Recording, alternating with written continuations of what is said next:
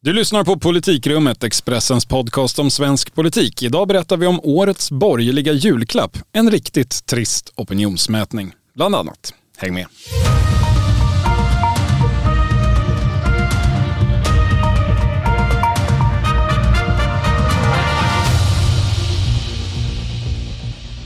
Ja, det är tisdag den 6 december och Politikrummet håller sitt 53 sammanträde genom tiderna. Jag heter som vanligt Viktor Bartkron och med mig, som alltid nu för tiden, Thomas Nordenskjöld. Hej! Hallå, hallå. Idag har vi lite nyheter att förmedla. Kanske inte av världsomvälvande karaktär, men ändå. Ja, men stort för oss på Expressens politikredaktion i alla fall. Vi har gjort om vår SIFO-mätning. Bara en sån sak. Eh, under förra mandatperioden så hade vi månadsvisa mätningar över förtroendet för partiledarna. De siffrorna var förstås intressanta ibland, men eh, det slutar vi med nu. Ja, det kunde ju bli lite tjatigt också. Magdalena Andersson överst eh, nästan alltid, eller alltid under hennes tid och Miljöpartiets stackars språkrör var ju i någon form av total botten.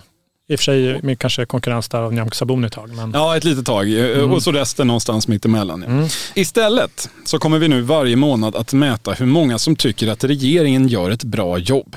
Och hur många som tror att oppositionen skulle göra ett bättre jobb i all korthet. Vi tror eh, att det särskilt över tid kommer att vara ett klargörande komplement i alla fall till alla miljoner mätningar om tillfälliga väljarströmmar inom blocken och vem som är över eller under spärren som alla ändå klarar till slut. Ja, och det blev ju faktiskt eh, också spännande resultat direkt här tycker jag. För den första mätningen då visar ju att den här eh, regeringen, den nya regeringen, haft en tuff start och inte lyckats leva upp till förväntningarna. Inte ens kan man säga bland de egna väljarna och det är ju särskilt intressant. Alltså, sammantaget då för alla väljare så är det nästan 6 av 10 svenskar som tycker att regeringen gör ett dåligt jobb. 57 procent för att vara exakt. Ja, då tar man med både de som anser att regeringen gör ett mycket dåligt jobb och de som anser att regeringen bara gör ett ganska dåligt ett jobb. Eh, 33 procent, var tredje väljare, menar tvärtom att regeringen gör ett bra jobb. Men eh, som undersökningen också visar, den finns på Expressen, eh, ska jag säga för den som vill fördjupa sig mer. Andelen som tycker att regeringen gör ett mycket bra jobb, det är inte jättemånga, det är bara 3 procent. Det är lika många som stöder Liberalerna i en vanlig mätning, men jag förmodar att det inte är någon gigantisk överlappning här. Nej, men det här är inte så muntert för regeringen ska man säga. Men alltså, ja, att de rödgröna väljarna tycker att regeringen är allmänt usel är ju rätt väntat. Men som man kan förstå de här siffrorna så är det ju då rätt många högerväljare som också är besvikna. Ja, så är det. Sammantaget för alla som uppger sig sympatisera med något av de fyra Tidöpartierna, om vi får kalla dem så, eh, så är det närmare 3 av 10, 27 procent, som tycker att regeringen, eh, som de alltså har röstat fram, gör ett dåligt jobb. Mm. Andelen är lägst bland moderater, som alltså är mest nöjda men där ändå 11 procent. Och sen eh, varierande grad av högre missnöje hos de andra. Vi ska säga här att man ska vara lite försiktig med att dra allt för långtgående slutsatser när det gäller de mindre partiernas väljare eh, och vad de tycker eftersom de ju är så få. Så var det sagt. Så är det, men vi kan nog inte hålla oss helt ifrån det utan kan ändå konstatera här då att omkring var femte kristdemokrat tycker regeringen är dålig eller gör ett dåligt jobb i alla fall. Och eh, än mer eh, missnöje är det inom Sverigedemokraterna då, de sverigedemokratiska väljarna. Där anser fyra av tio eh, då Sverigedemokrater att regeringen gör ett dåligt jobb. En hög siffra får man säga.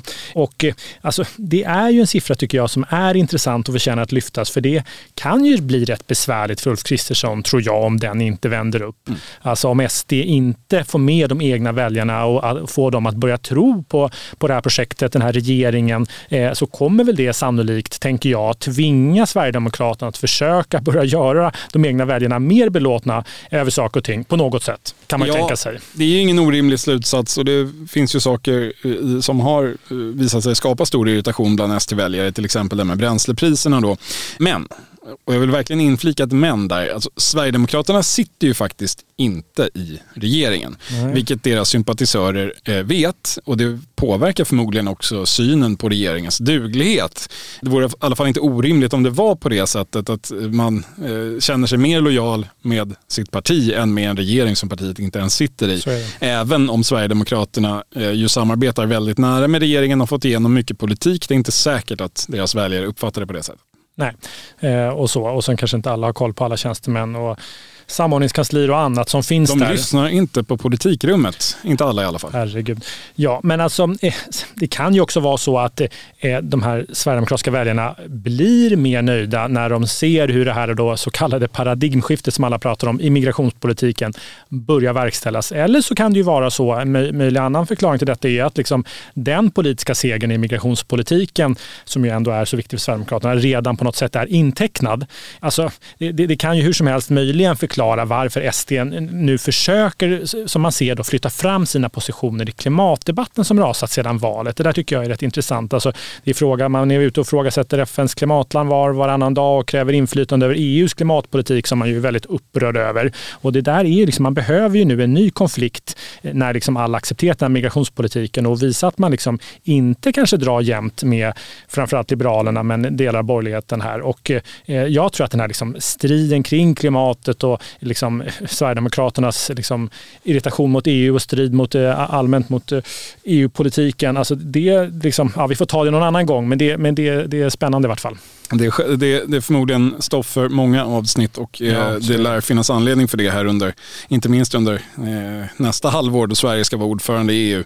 Men för att återvända till mätningen, ett parti som sitter i regeringen och därmed inte har något särskilt att skylla på det är Liberalerna. Vilket naturligtvis inte hjälper. Vi ska som sagt vara noga med att påpeka att antalet liberaler i mätningen är försvinnande få eh, i mätningen, liksom i samhället i stort och att siffrorna därför ska tolkas med försiktighet. Men vi måste ändå delge detta för det är roligt. Av L-väljarna så tycker 50% att regeringen gör ett bra jobb. 45% tycker att regeringen gör ett dåligt jobb. Att vara liberal är att vara kluven och så även här. Mm. Ja, men det är ju en anmärkningsvärt hög siffra som tycker då att den regering som Liberalerna själva sitter i gör ett dåligt jobb. Men alltså, jag måste säga en annan sak som jag tycker som jag noterat den senaste tiden, senaste veckan, när, man, när jag ringt runt till folk i regeringskansliet och i de här Tidöpartierna, sånt som jag gör en hel del. Jo, eh, tack. Så försöker ju liksom alla de här då partierna, eh, Tidöpartierna, alla utom ett, moderater, kristdemokrater och sverigedemokrater, ge bilden av att partierna är så otroligt överens. De eh, tre partier som var Sverigedemokraternas eh, tilltänkta regeringsunderlag från början, den, det så kallade konservativa block som de drömde Exakt så. Alltså de, de tre partierna beskriver liksom läget som allmänt toppen och tonar ner allt det här med splittring och motsättningar och det är minsann något som vi konfliktlyssna journalister hittar på, får man höra. Framförallt Sverigedemokrater brukar säga så. Men alltså då när man pratar med det tredje koalitionspartiet, då, Liberalerna, eh, så är det annat ljud i skällan. Alltså för där får man ju höra när man ringer och pratar med folk att det minsann är väldigt bråkigt mellan dem och framförallt Sverigedemokraterna. Allmänt dålig stämning beskrivs det som. Hård dragkamp, då kopplat framförallt mycket till det jag nämnde innan där med klimat och EU-politik och så. Men eh, att SD kräver massa saker som Liberalerna gör allt för att hålla emot. Och eh, jag tycker det är, liksom, det är ändå lite intressant att liksom, medan de tre av de här partierna gör allt för att tona ner det så är min bild att, det inte alls, eh, att Liberalerna inte alls har något emot att dessa konflikter kommer till dagens ljus. Nej, det har varit mycket konflikter runt Liberalerna sedan valet eh, och innan för den delen också, fler lär det bli. I den här mätningen så har vi också frågat om man tror att oppositionen skulle göra ett bättre jobb än den nuvarande regeringen. Och då ska vi ju först säga att det inte är alldeles enkelt att utforma en sån fråga. För det finns ju lika många uppfattningar om vad som egentligen är alternativet till den här regeringen som det finns partier i oppositionen och säkert ännu fler än så. Mm. Eh, hur en alternativ regering ska se ut helt enkelt och hur den ska fungera. Men vi har då eh, i brist på annat valt att utgå från verkligheten. Eh, så som den såg ut fram till nyss. Praktiskt. Ja, och kallat då eh, huvudalternativet för en socialdemokratiskt ledd regering eh, med stöd av Vänsterpartiet, Centerpartiet och Miljöpartiet. Ja, men skulle oppositionen då formera sig på något annat sätt får vi ju vara tydliga med här att då kommer vi ta in det i mätningen. Självklart. Justera detta. Ja, vi utgår från hur det såg ut i augusti och då var det ju faktiskt så. Och vi har då frågat folk eh, om de tror att eh, denna S-ledda regering skulle göra ett bättre eller sämre jobb än den nu sittande moderatledda regeringen. Och då svarar 44 procent ett bättre jobb medan 30 procent svarar att den S-ledda regeringen skulle göra ett sämre jobb. Ni kan göra vad ni vill med de siffrorna, men eh, vi tycker att det finns anledning att titta lite närmare på det borgerliga oppositionspartiets väljare här. Eh, ja, det borgerliga oppositionspartiet, enligt egen utsago ja, i alla fall. Det som tycker att eh, regeringen inte är tillräckligt borgerlig och borde vrida den ekonomiska, ekonomiska politiken åt höger, men då med en socialdemokratisk statsminister. Vi pratar om the one and only Centerpartiet. Ja. På frågan om en S-ledd regering skulle göra ett bättre jobb än den nuvarande så tycker de Eh, absolut flesta centerpartister det, eh, omkring 7 av 10. Och bara 1 % av centerpartisterna, 1 % svarar att en S-ledd regering skulle göra ett sämre jobb. Eh, nu är vi nere på väldigt små tal, eh, men det här är en podd och konsten är fri. Poängen står klar även med hängslen, livrem och omfattande felmarginaler, Thomas. Ja, och som inlaga till det här partiledarvalet som pågår och den ändå lågintensiva diskussionen om Centerpartiets vägval så är det ju intressant. Alltså, man har ju lite svårt att se utifrån detta eh, eller till och med mycket svårt att se hur Centerpartiet eh, med, med, med de väljarna ens skulle kunna eh, hålla dörren öppen öppen för en högerregering inför nästa val. Alltså, det lär behöva nya väljare i så fall, ganska många nya väljare för man ja, ser ut att få svårt att få med de här väljarna på ett sådant högeräventyr. Ja, man får börja göra som eh, Liberalerna, tidigare Folkpartiet och byta ut sin väljarkår i varje val eh, om man ska hålla på så här. Nu har man gjort det en gång. Men eh, nog ser ändå väljarna ut att avgöra den här saken med visst eftertryck. Och fortsätter det så här, ska vi säga, eh, i mätningarna, då får Centern väl snart döpa om sig till Socialdemokrater för skogsbruk och rutavdrag eller något om de, om de vill göra ett bra val nästa gång. Ja, framtiden är spännande på många sätt. Just nu pågår vår stora season sale med fantastiska priser på möbler och inredning. Passa på att fynda till hemmets alla rum, inne som ute, senast den 6 maj. Gör dig redo för sommar. Välkommen till Mio. CSRD, ännu en förkortning som väcker känslor hos företagare. Men lugn, våra rådgivare här på PWC har koll på det som din verksamhet berörs av. Från hållbarhetslösningar och nya regelverk till affärsutveckling och ansvarsfulla AI-strategier. Välkommen till PWC. Det blev mycket siffror där och vi eh, släpper den där mätningen för nu och återkommer om en månad eller så. Nu finns det ju som vi har nämnt en del eh, lätt identifierbara skäl till varför folk är lite sura på regeringen. Men jag vill ändå hävda att det finns något mer här. Alltså regeringen Kristersson och eh, dess närmaste anhängare, de känner sig utsatta för en kampanj från alla håll. Och det tycker väl alla regeringar alltid. Men jag vill nog mena att de har en poäng här. Bara för att man är paranoid betyder det som bekant inte att man inte är förföljd. Ja, men du skrev idag har jag noterat om eh, några saker som utmärker borgerliga regeringar jämfört med socialdemokratiska de tenderar att lova mycket, väldigt mycket mera. Ja, alltså, i alla fall i modern tid. Alltså, vilket ju eh, är en sammanfattande beskrivning av alla borgerliga regeringar vi har haft. De utspelar sig främst i modern tid. Hur som helst, eh, de tenderar att lova mer och dessutom mer detaljerat. Nu, precis som på Alliansens tid, så sätter man ju stort värde i att vara så konkret som möjligt redan före valet. Magdalena Andersson vill ju å sin sida inte avge några vallöften alls i det här valet. Nej, hon vill ju hellre prata om valmålsättningar vill jag minnas. Eh, det där med skarpa vallöften var inget för henne och framförallt inte i den tid vi lever i. Socialdemokraterna skulle behålla makten och ta ansvar. Det var ungefär det som var erbjudandet och för detta så hånades hon ju eh, grundligt från höger men i alla fall just nu efter uppror mot eh, elpriskompensationen och eh, bensinbesvikelsen så är det nog ändå Magdalena Andersson som skrattar sist. För nackdelen mm. med att lova saker konkret är ju att det blir väldigt konkret när man sen inte levererar. Lättare då att på förhand säga vi ska bygga ett starkare Sverige och sen pressa in verkligheten under den parollen eh, ungefär. Ja, och, men här tycker jag också att man kan faktiskt kan skönja något större, alltså bortom valtaktik och sånt. Som, som, eh, och något som jag tror ändå att Magdalena, Magdalena Andersson riskerar att kritiseras för eh, någon dag om den kommer då det börjar gå mindre bra för henne. Alltså, för det är ju så att hon trots sina ganska, sin ganska långa tid på högsta politiska nivå inte förknippas med någon eh, politisk fråga eller något reformprogram. Och det här lyfts ju emellanåt. Att vända på varje sten räknas alltså inte?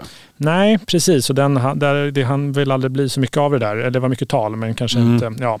Eh, men alltså, när hon tog över som finansminister, hon kom ju in där eh, som ekonomisk-politisk talesperson inför valet 2014. Löfven plockade in henne. Men när hon då tog över som finansminister så så såg hon som sin främsta uppgift där, vill jag minnas, att sanera statsfinanserna efter Anders Borgs äventyrligheter. Det var någonting hon mm. pratade jättemycket om, hur han hade levt över sina tillgångar, som man då sa att alla borgerliga regeringar alltid gör. Och liksom, eh, statsfinanserna då, då ska man säga att statsfinanserna var ju redan då bland de starkaste i Europa. Eh, men trots det började då Andersson hålla hårt i pengarna och amortera av på, på statsskulden. Mm. En lite udda profilfråga för en vänsterpolitiker om Andersson nu ska beskrivas som en sån. Ja, där de tvistar de lärda. Men alltså, eh, under alla de här åren, under de dryga sju åren som finansminister då först och sen det knappa året eller nio, tio månader som statsminister, alltså så kommer ju heller aldrig att förknippas då med någon politik eh, som har liksom en tydlig ambition om att förändra Sverige på något avsevärt sätt. Det där, eh, ja, nej, men det är liksom, jag tycker att man, det förtjänar att lyftas här. Det, det, det liksom är, I tuffare tider kan det nog komma tillbaka? Ja, det, det har, varit, eh, har väl varit lite så att de borgerliga regeringarna har varit mer förändringsbenägna och socialdemokratiska eh, lite mer av att, eh, lite mer inne på att värna och trygga och utveckla befintliga ordningar om man säger så. Magdalena Andersson som ett övertydligt exempel på det. Men vi ska mm. väl i sammanhanget också nämna hennes företrädare Stefan Löfven, för han gillade inte heller vallöften. Däremot målsättningar. Alltså hans stora politiska utfästelse, eh, den förra regeringen regeringens stora eh, sak, om man får använda det ordet, det är ju svårt att kalla det ett löfte, det var ju att Sverige skulle ha lägst arbetslöshet i EU senast år 2020. Ja, det där sa han ju alltså då som oppositionsledare inför valet 2014. Alltså jag minns det där tydligt. Det var väldigt peppad stämning inom eh, rörelsen inom socialdemokratin. Eh, äntligen hade S högt ställda ambitioner igen. Ja, det var, det var en högt flygande målsättning. Det skulle genomsyra all regeringens verksamhet. Eh, och det påstod man sen också att det gjorde i alla fall ett tag. För det stod ju ganska snart, ganska klart, att det skulle bli ganska svårt att nå det där målet. Ja, och här kommer nog liksom Anderssons, tror jag, besatthet, om man vill kalla det det, liksom vid statsfinanserna, eh, att hålla hårt i pengarna in igen. Eh, för det som var liksom anmärkningsvärt var ju att regeringen, eh, den då socialdemokratiska regeringen, aldrig lyckades prioritera det här målet särskilt högt. Alltså kontrasten till Göran Perssons mål på 1990-talet då, som också hade ett väldigt högt uppsatt jobbmål om en öppen arbetslöshet, ett mått man då använde sig mycket av. Den skulle vara högst 4 procent och det var ingen som trodde på det. Men han lyckades på något sätt få, få skrämma hela statsapparaten till att engagera sig i det där och det skedde väl delvis genom att människor förtidspensionerades, vilket eh, en del har haft synpunkter på. Men rent politiskt så blev eh, liksom hans måluppfyllnad ändå en stor framgång. Eh, och det blev ju faktiskt inte Löfvens jobbmål, eh, kan vi konstatera. Nej, eh, facit för den här målsättningen blev ju ett nästan komiskt fiasko. 2020 när det gick mot sitt slut så hade Sverige inte lägst arbetslöshet i EU utan femte högst tror jag, av de 27 medlemsländerna, alltså den eh, 23 eh, lägsta arbetslösheten i EU.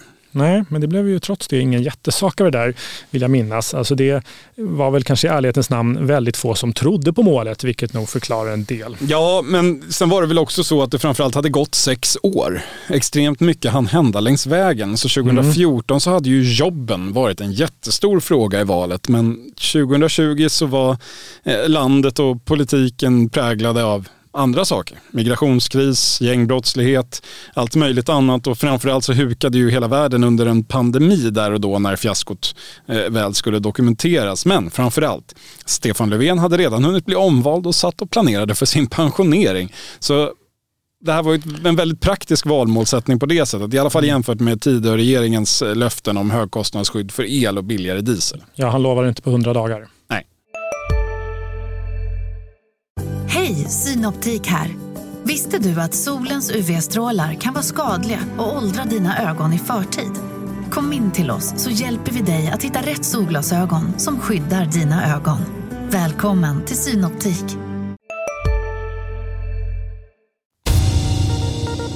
En annan sak som ju verkligen har präglat den här regeringens start är ju den här massiva internkritiken. Alltså Liberalerna behöver vi knappt nämna här, men det har ju varit en väldigt stormig resa för dem. Allt från att tidavtalet presenterades och eh, alla möjliga tunga personer hotade med avhopp till ja, Johan Perssons eh, uttalande om brun sörja och annat. Det där har vi och, då, och då tar du ändå bara efter valet. Vi hade ja, ett de, förval också där gamla partiledare gick ut och sa att de skulle rösta på Centern och det ena med det tredje. Ja, och röstade på Centern. Ja, så. Då, till och med. Men, eh, och, men alltså, nu ser vi även i Sverigedemokraterna så börjar vi se en allt jobbigare svekdebatt.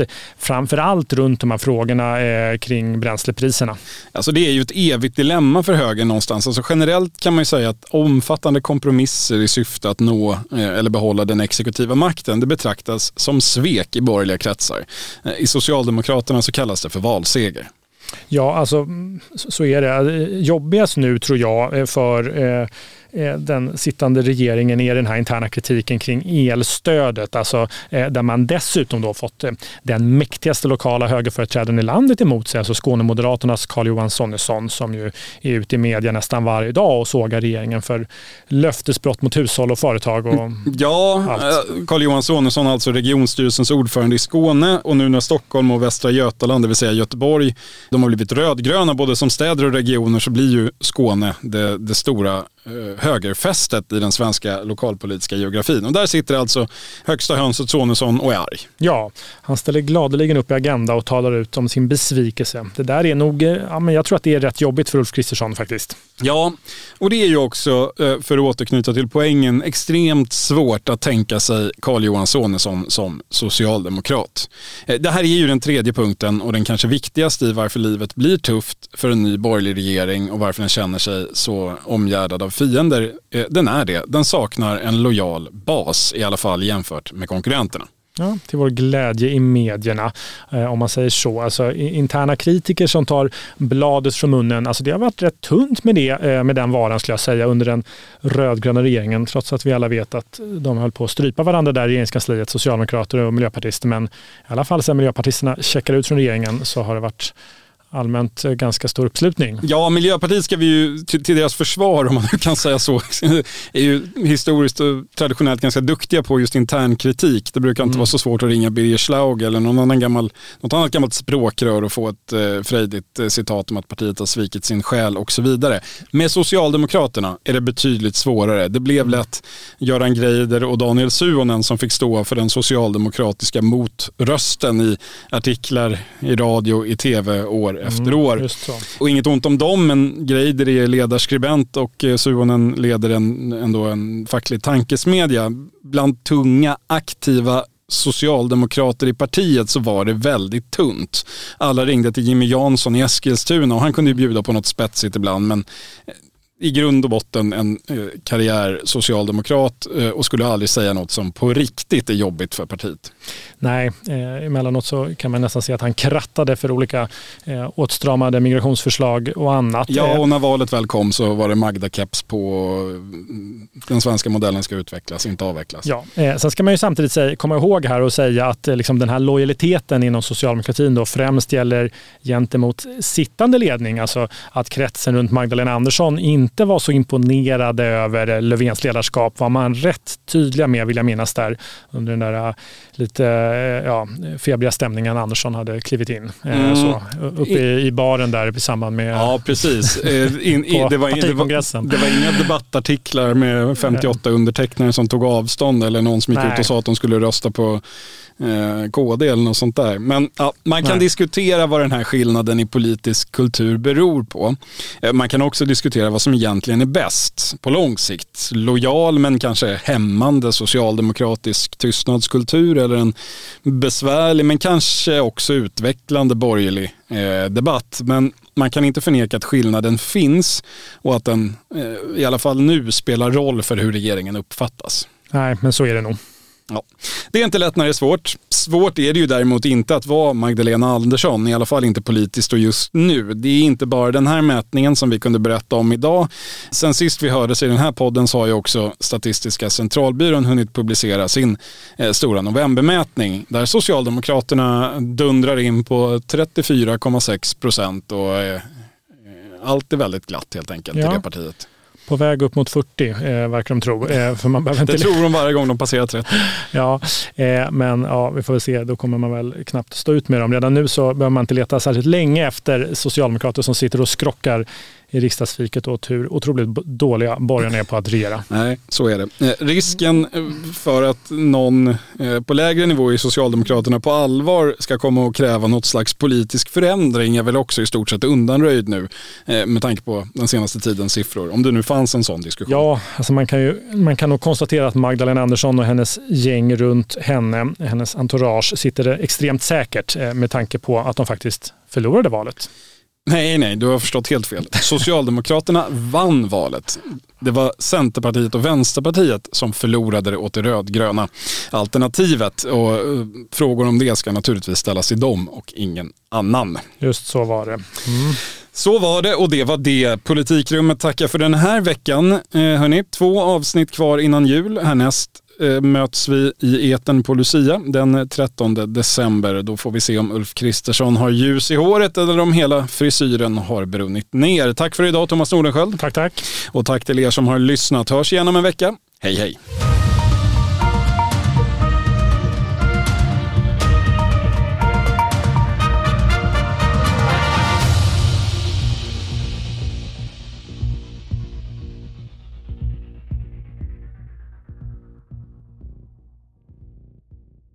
Du har lyssnat på en podcast från Expressen.